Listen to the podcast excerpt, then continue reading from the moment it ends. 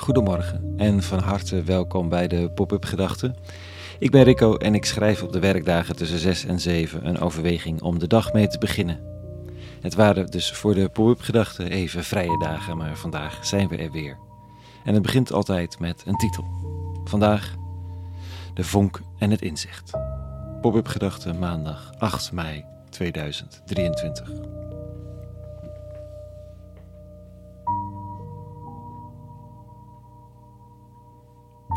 Dat je ergens weet dat het klopt wat je doet en waar je mee bezig bent.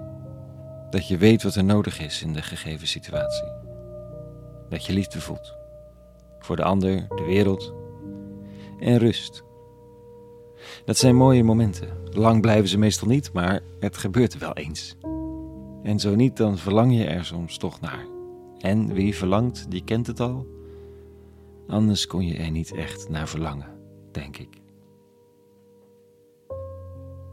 De gewone staat van zijn is veel meer de automatische piloot. Dit moet gebeuren, dus doe ik het. Er is geen tijd, geen energie en geen ruimte om stil te staan of alles wat je doet nu klopt in de grote lijn der dingen. Het zijn existentiële crises die ons bij dat soort vragen brengen. En het is nou eenmaal niet zo werkbaar om heel je leven in zo'n existentiële crisis door te brengen. Al zijn er die het gevoel hebben dat ze niet ver af zijn van zo'n soort levenspad. Permanente grote vragen zonder antwoord en een levenspraktijk waar je wel wat doet, maar de zin, de nut en het noodzaken van voortdurend betwijfelt. En nee, als je dat herkent, je bent niet de enige. Bij lange na niet. Is er ergens een route naar de goddelijke vonk? Dat je als, het vuur, je als je het vuur en de lichtheid kwijt bent, dat er een manier is om dat weer te ontsteken. Of je nou in God gelooft of niet. Is er een route naar trefzekerheid en inzicht? Het hoeft niet eens altijd. We kunnen niet allemaal goeren of verlicht zijn. Het is best wel gezond om er niet naar te streven. Maar af en toe iets om op terug te vallen of je keuzes aan te eiken, zonder dat er per se een existentiële crisis nodig is, kan dat. Kijk, existentiële crisis helpen wel, de grote vragen met wanhoop stellen, het leven omgooien of even op pauze zetten.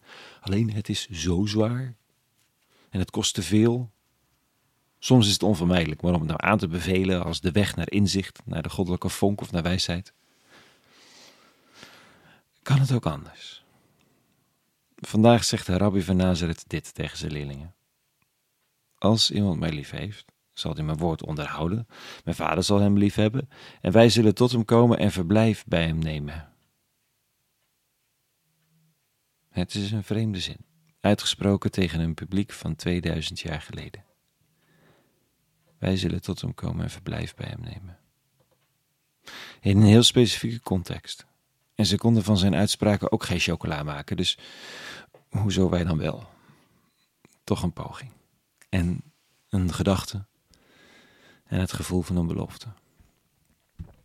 Het begint met de liefde. Liefde voor een manier van doen, voor het werken, het denken en het voorgaan van die dwarse, eigenzinnige rabbi, die de weg koos van de outsider, van leren vergeven, van delen en durven ontvangen, en van zich laten leiden door de eeuwenoude, ongrijpbare stem die God genoemd wordt. Diegene liefhebben, hem ergens leren liefhebben, en hoe dan? Nou, door zijn woord te onderhouden. Liefhebben is hier niet allereerst emotie of bewondering, maar het is doen, het is proberen, het is een weggaan. Liefhebben is hier heel concreet. Het is het zelf liefhebben van de outsider. Het delen met de ander, ook al is die ander zo ingewikkeld anders. Durven vergeven en je laten vergeven. Wat het ook is.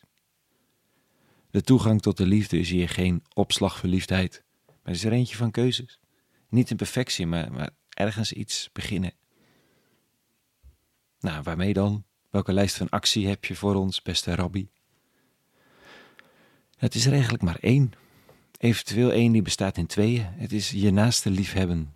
En dat laatste is dan gelijk aan God liefhebben. Grote woorden, maar ook eenvoudig.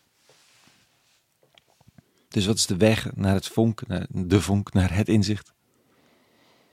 Volgens de oude tekst heeft dat niet per se te maken met de divan en de breakdown, al kan het erbij komen en inzicht geven. Het is eenvoudiger dan dat en het voelt minder spectaculair en soms daardoor dus moeilijker. liefhebben. Leren liefhebben van een concrete ander. Over je eigen schaduw heen stappen. Het licht in. En leren omarmen van de aarde, van mensen. Liefde, ruimte en tijd nemen en geven. Vergeven ook, want dat is onlosmakelijk verbonden met liefhebben. Dat type liefhebben. In hele kleine, soms concrete gevallen. Dan zegt de rabbi, zullen de vader en ik een eenheid gaan vormen met jouw intuïtie, alsof je een paar extra ogen krijgt, krijgt om mee te kijken, en een extra hartkamer om een ander in op te nemen, en een paar extra wijze handen aan het roer in je leven. Dat de vonk er is, voelbaar.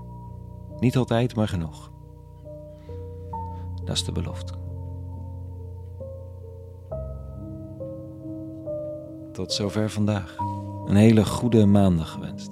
Met vonkjes van inzicht. En die soms ingewikkeld eenvoudige keuzes van liefhebben wat er op je pad verschijnt. Vrede gewenst vandaag. En alle goeds.